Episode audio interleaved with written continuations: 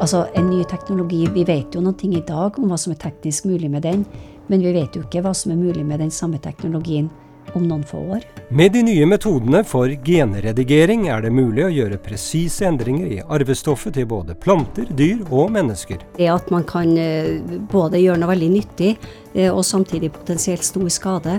For biologien som sådan så vil jeg jo si at det er en liten revolusjon. Da, fordi at eh, med CRISPR-teknologien så plutselig så hadde vi alle mulighetene til å gjøre det som vi har drømt om i alle år. Da, å kunne gå inn og, og, og modifisere og se på genene og proteinene. Forskerne har nå en teknologi som er enkel å bruke, og som kan brukes til ting som i dag blir sett på som fullstendig uakseptable. Så hvis foreldrene dine bestemmer seg at den egenskapen skal tas bort til deg, som de vet at du har, du har en arvelig sykdom, så har jo de også bestemt at barnebarn og barnebarns barnebarn osv. nedover vil være endra. Her er det nok antagelig bare fantasien som setter grenser for hva man kan bruke det til. Hva er det greit å bruke genredigering til, og hvordan skal vi kontrollere det uten felles internasjonale regler? Velkommen til De store spørsmålene, en podkast fra NTNU.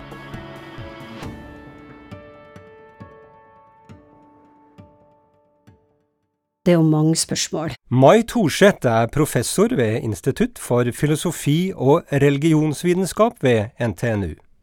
Altså det, det, det såkalte janusansiktet, eller det at man kan eh, både gjøre noe veldig nyttig eh, og samtidig potensielt stor skade. Eh, det, altså hele risiko og nytte, da, det er jo liksom sånn stikkordene for det man eh, sånn mer generelt tenker. For det, det, er jo mye av det som har vært snakk om. ikke sant, at Hvis du gjør sånne endringer, f.eks. i malariamygg eller sånne som gjør stor skade, så, så, hvis man slipper det løs, hva skjer da? Altså man, man kan på en måte helt eh, Man er ganske sikker på at man oppnår det man har tenkt. Og, og, og fjerne det som er skadelig. Men man vet jo ikke hva det gjør med økosystemet. Da genredigeringsteknologien CRISPR kom i 2012, fikk forskere tilgang til en teknologi som kan gjøre ting vi tidligere bare har sett på film eller lest om i science fiction-bøker. Det er en enkel teknologi som ikke krever mye ressurser. Noen har allerede blitt fristet til å utnytte muligheten til å gjennomføre et prosjekt som er milevis over grensa på hva de fleste synes er greit. Det skal du få høre mer om, men først må vi prøve å forklare hva denne CRISPR-metoden, altså genredigering eller genomredigering, går ut på. Du må se for deg en vegg sånn som fem ganger tre meter eller fem ganger to meter, og som stappfull med bøker. og Der kan du gå inn da, i eh, en bestemt hylle, en bestemt bok, en bestemt side, en bestemt linje, og så rediger akkurat. Du kan endre akkurat på en bestemt posisjon på den bokstavlinja i arvestoffet. Og det er utrolig presist. Det, det, er så presist at det nesten ikke er til å tro.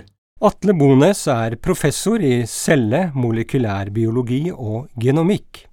Når han bruker CRISPR, kan han altså finne akkurat det genet han er interessert i, han kan fjerne det, eller erstatte det med et nytt gen. Altså det, når du gjør genomredigering, så er du avhengig av å overføre et enzym som uh, kutt, lager de kuttene som vi skal uh, bruke. Da.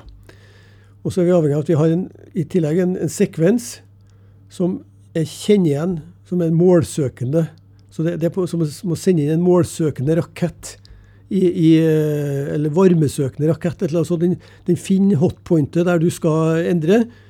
Eh, så den, den, sekvensen den søker etter, etter, eh, det som vi kaller komplementær sekvens, altså en motsatt sekvens som den skal binde seg til. Og Når den har bundet seg til den, den motsatte sekvensen, eller komplementære sekvensen, så eh, vil enzymet kappe. Men ikke uten. Den vil kappe bare der det er bundet. Så det kobler sammen et enzym som kutter, med en målsøkende rakett som finner akkurat riktige mål. For biologien som sådan så vil jeg jo si at den har, har gjort ja, det er en liten revolusjon. Per Winge er førsteamanuensis ved Institutt for biologi, og jobber også mye med denne metoden. For veldig mange organismer så eksisterte ikke noen gode metoder å gjøre det som vi gjør nå Vi kunne ikke gå inn og, og spesifikt ødelegge gener eller forandre på gener. Det eksisterte ikke noe, noe teknologi for å gjøre dem. Men med CRISPR-teknologien så plutselig så hadde vi alle mulighetene til å gjøre det som vi har drømt om i alle år. Da, å kunne gå inn og, og, og modifisere og se på, på, på, på genene og proteinene. Men selv om forskerne er begeistret for denne ganske nye metoden for genredigering, kan de fortelle at den ikke er perfekt. Problemet med, med metoden sånn som den er da, eh, det er at ofte så vil det vil være basert på at, du, at cella sjøl reparerer der du har, der har kutta. For du gjør et kutt i DNA-et, arvestoffet, og da, da eh, forsøker cella å reparere det. Og da setter den inn, eller tar bort, litt tilfeldig. Men riktig posisjon men hva som skjer akkurat i den posisjonen, er litt uforutsigbart med den, med den basismetoden, eller basismetoden. Derfor jobber forskerne ved NTNU nå med å utvikle en metode som gjør at de kan styre endringene mer nøyaktig, forteller Atle Bones. Også arvestoffet består av to DNA-molekyler som henger sammen. Det er to tråder som henger sammen. Og den, eh, Det genomredigering gjør i utgangspunktet, er at de kapper begge trådene på én plass og så eh, repareres det imellom. Målet i utgangspunktet er å ødelegge eh, genet for å teste funksjonen til det genet som du, som du bryter deg på. Så du kan fjerne en, et eh, gen, og så ødelegge aktiviteten til det. Og da vil du se hva som skjer med celler. Når, når du, da kan du på en måte studere funksjonen til det, det hjulet eller det genet når, når du har tatt det vekk for å lage en sånn eh, genomredigering, så, så, har du et enzym som klipper i arvestoffet. Og, og, den, og, den, opprinnelige metoden den klipper begge trådene. Hvis du, hvis, men vi har nå holdt på å lage en mer sofistikerte metoder der du, der du klipper bare ene tråden. Og så sammen med det enzymet som klipper, sammen med saksa, så har du lagt på en Du har bestemt hva som skal settes inn på forhånd. Du har lagt med, har lagt med en eh, instruks i, i, i, Du har lagt med en eh, beskjed den, sammen med enzymet som gjør at det settes inn akkurat den sekvensen som du skal, ønsker skal settes inn. Så da blir den ene tråden reparert med den instruksen som du har, eh, som du har satt inn. Og så gjør cella sjøl og reparerer den andre, den andre delen. Så da blir den perfekt. Da blir det en perfekt uh, en endring som er 100 sånn som du ønsker at den skal være, på 100% riktig plass. Og det, det, er jo bare det er bare science fiction på én måte, men det er faktisk da eh, mulig å gjøre det på den måten der nå. Det er fremdeles mye potensial i å gjøre metoden bedre og sikrere, men den gir allerede enorme muligheter, sier Per Winge. Og det kan eh, brukes til veldig veldig mange forskjellige ting. Og det er jo allerede brukt i, i en eh, masse forskjellige ting. Jeg mener innenfor eh, agronomi, eller den som jobber med planter f.eks. Det å produsere spesifikke planter som har f.eks. økt produksjon av om det er f.eks. fettsyrer eller lipider og fett i, i, i frø og sånne ting f.eks. Eller at de produserer eh, eller har økt innhold av vitaminer. Du kan tenke deg en hel haug med forskjellige ting som kan, som kan gjøres da med, med, med planter f.eks. Og og det er klart også Innenfor medisin så er det jo også klart voldsomme muligheter med, den, med denne teknologien her. Det sier seg sjøl. Men en annen ting som er problematisk også, som folk kanskje tror at, eh, at, eh, at det her, når det her er mulig, så skal det være, kun være mulig å produsere folk som blir mer intelligent og har alle mulige sånne ting. Og det, der tror jeg nok at uh, det vil ikke gå. Fordi at en hel del ting som, uh, som uh, f.eks. som intelligens eller kunster, kunstnerisk Eh, kan du si at, at folk er, er, er flinke med en pianospiller eller hva som helst. Ikke? Det er ikke en ting som er eh, forårsaka av ett gen. Vi snakker om hundrevis av gener som jobber sammen. Og til sammen så, så vil det der eh, gjøre f.eks. at det blir intelligent, eller at du blir artistisk, eller eh, sånn som det der. Og det sier seg sjøl at det vil være veldig, veldig vanskelig å, å, å, å gjøre noe med. Men man kan se for seg at metoden kan brukes til å fjerne enkelte sykdommer, sier Atle Bones. Tenk på en ting sånn som sigdcelleanemi, f.eks. Som egentlig ikke er noe stort problem i Norge, men, men, et større problem i Afrika. Og vi har noen også i Norge nå som har sigdcelleanemi. Der, der, er det jo én det, det, er bare nødvendig å gjøre én liten endring, bitte liten endring, kanskje bare én bokstav eh, for å få fjerna den sigdcelleanemien, som er ganske plagsom for dem som, som, har det. Den egentlig beskytter folk mot malaria, men i Norge så har vi ikke malaria. Da, da ville det vært veldig gunstig å bli kvitt den, den eh, skaden. Så da, da, da, skal du bare, da må du ha et, et så presist system at du kan uh, endre én bokstav i arvestoffet som gjør at de ikke får sigdcelleforma røde blodceller i stedet for runde, fine eh, røde blodceller. De er riktignok flattrykte, men de er runde, mens de er sigdceller. Og da, da, da, Det tror jeg det burde være eh, det, det, burde være overkommelig, og det, det tror jeg helt sikkert kommer til å komme.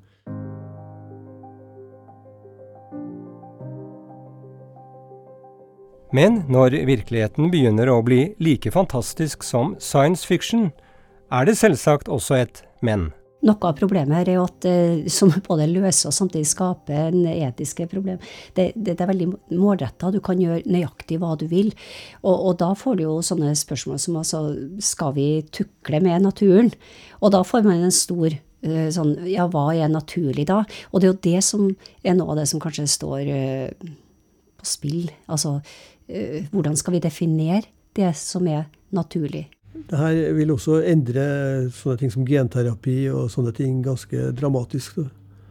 Fordi at nå blir det, det blir så presist at det kan faktisk gjøres. Og så er spørsmålet skal det gjøres på eh, såkalte somatiske celler, eller celler som egentlig bare de dør når du dør. Eller skal det gjøres på, på, eh, på celler som, som gameta, eller celler som da eggcelle og sæd, for å si det sånn, som, som, eller embryo, som blir overført til alle i, neste, i den livslinja i generasjoner nedover. Så vi får nok noen debatter her om, om hva som Hvor mye skal du kunne bestemme over din kropp?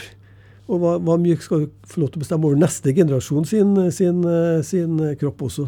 Det er her det virkelig store etiske dilemmaet ligger.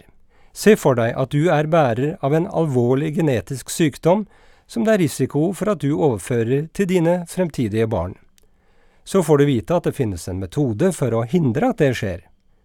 Forskere kan gjøre en prøverørsbefruktning med kjønnscellene til deg og partneren din, og så kan de bruke CRISPR til å fjerne genet som forårsaker sykdommen. Det må jo være en fantastisk mulighet. Atle Bones er ikke sikker så har jo de også bestemt at barnebarn og barnebarns barnebarn osv. nedover vil, vil eh, være endra. Så, så det, er jo, det, er jo, en konsekvens. Hvem er det som bestemmer? Hvem, hvem har egentlig råderetten over framtidens liv? Det, det, og det er klart, noen vil da si at uh, mangfoldet her eh, skal, skal vi beholde, det ønskelig beholde. Og da kommer vi igjen, tror jeg, til det skille mellom den som har det, og den som ikke har det. Og at den som har det, vil bestandig i mye større grad være for enn en, en den som er ikke berørt. Det er mye lettere å stå på sidelinja og, og være, være, moralsk eh, politi enn å være midt oppi det. Filosofiprofessor Mai Thorseth bruker mye tid på å studere disse moralske dilemmaene. Hun tror ikke det er noe alternativ å stoppe utviklingen. Forskningens etos, altså det som er eller kunnskapsutviklinga sitt etos, det er jo å bringe kunnskapen videre. ikke sant? Eh, og, og, og, da kan man på ett plan ikke tenke at uh, det kan alltids misbrukes. Uh, altså Man kan ikke bruke det som et argument for å stoppe kunnskapsutvikling. Uh, men samtidig så er det jo ingen forskning som hva skal jeg si, er ren i betydninga at forskeren sjøl eh, alene bestemmer. Altså man har ulike krefter. Man har selvfølgelig politiske krefter, og man har eh, også eh, som en del av det innenfor det forskningsetiske dilemmaet, altså at eh, pass på at ingen publiserer før meg. Det finnes jo uh, utro tjenere uh, finnes jo i alle systemer. Og det er klart vi har jo hatt noen sånne innenfor medisin særlig, da. og det er jo sånn for at det, det blir så synlig for at det blir så ofte sånn store oppslag uh, om det. Men, men altså vi, fra tid til annen så skjer jo det til tross for at vi har stadig mer opplæring i forskningsetikk osv. Sånn at den menneskelige faktoren, enten det skyldes hva skal jeg si, svak karakter eller, eller dårlig moral, eller altså Man kan jo betegne det på forskjellig vis, men, men altså risken for eh, lekkasje eller risken for misbruk, eh, den kan vi ikke redigere bort, for å si det på den måten. Den, den vil være der. Det er en del av uh, uh, menneskelige kår. Og for den kinesiske forskeren He Jiankui ble det for fristende å teste ut potensialet til CRISPR-metoden. Two beautiful little Chinese girls Lulu and Lala came crying into the as healthy as any other babies a few weeks ago. The girls are home now with their mom Grace and dad Mark. Grace started her pregnancy by regular IVF with one difference. Right after we send her husband's sperm into her egg, we're also sending a little bit of protein and instruction for a gene surgery. Han gjorde jo et, et forsøk på å, eh, å editere da, en, noen embryo. da, eh, I forbindelse med at han skulle få eh, den personen, eller den personen til å bli resistent mot hiv. Og, og ut ifra det vi har hørt, så så hørtes det ut som at det, det ble fulgt eh, eh, si barn da, som var geneditert, da, og de hadde eh, også fått retta opp da, den der feilen da, som var gjort. Da. Men det vi ikke vet, da, det var andre ting skjedd i dette tilfellet her.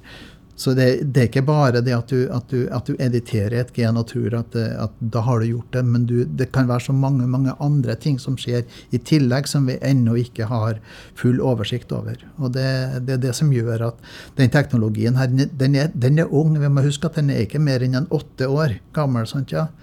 Så, så, så, om kanskje om ti år eller noe sånt, kanskje vi har noe som er enda mer spesifikt, enda bedre, som du kan gjøre det her tryggere på. Da, men det vil jo aldri bli tillatt til å bruke på, på embryo, humane embryo. Sier Per Vinge. Eksperimentet hadde ikke etisk godkjenning i Kina før det ble satt i gang, og resultatene ble ikke presentert i noe vitenskapelig tidsskrift, men på YouTube. I understand my work will be controversial. But I believe family need this technology, and I'm willing to take the criticism for them. He Yan Kui sier i videoen at han er forberedt på kritikk, men den ble nok enda sterkere enn han hadde trodd. Det skal vi komme tilbake til. Hvordan kan man hindre at slike utro tjenere, som Mai Thorseth kalte dem, går over streken? Regulering. Det er jo ikke sånn hard law. Det, det, det er sånn, og, og, det jo, og, det varierer jo. Det er jo ikke det samme overalt. Eh, og det som er tillatt eh, i en del land, er jo ikke tillatt. altså sånn Surrogati er et sånn typisk eksempel. Det er jo ikke akkurat den, det er en annen teknologi, men, men likevel. altså det, samme kan man jo eh, tenke seg med, med gendrivere, eh, genredigering òg, at eh, enkelte land har mye mer liberalt regelverk. Og så har du det der at det internasjonale samfunnet gjerne Altså det, det virkemidlet man har, det at man kan ratifisere ting, men, men man kan ikke kreve at alle eh, tilslutte seg. USA har jo f.eks. Eh, eh, avstått fra å ratifisere en del avtaler som andre i EU og andre land har gjort. Og det her er jo, så det er et veldig sånn komplekst eh, landskap vi navigerer i, og det er jo ingen som har en full kontroll over det. Hvordan man endrer på genene i en celle er enormt kompliserte greier. Og hvordan genredigering egentlig fungerer, er nesten umulig å forstå for folk som ikke forsker på det selv. Hvordan skal politikere, som ikke er utdannet på feltet, greie å vurdere hvilke lover som skal til for å regulere noe de ikke forstår. Det er jo et stort problem, ikke sant. For man har jo eh, eh Altså, politikere, de har jo rådgivere. Eh, og de rådgiverne er jo kanskje godt, eh, som regel, ganske godt informert. Men eh, det er klart at eh, politiske beslutninger vil jo sjelden være godt nok informert. Og særlig når det gjelder typer av problemstillinger som, som er potensielle og som er fremtidig. Og det er jo det som er med all sånn såkalt tilsynekommende emerging technology, som man gjerne kaller det. Det, er jo, det er jo et sånt generelt problem at man altså Visse ting kan man forutse. Man kan bruke et føre-var-prinsipp og tenke at eh, heller være forsiktig hvis vi tror at det kan skade miljøet, hvis vi tror at det kan være skadelig for arten osv. Så, videre, eh, så bør vi kanskje si nei. Men samtidig så er det ofte en, en politisk sak. Altså hva er, det, hva er det vi er best tjent med, og hvem er vi? Er det, er det verden globalt sett? Eh, og da kommer jo sånne store spørsmål som rettferdighet ikke sant, inn.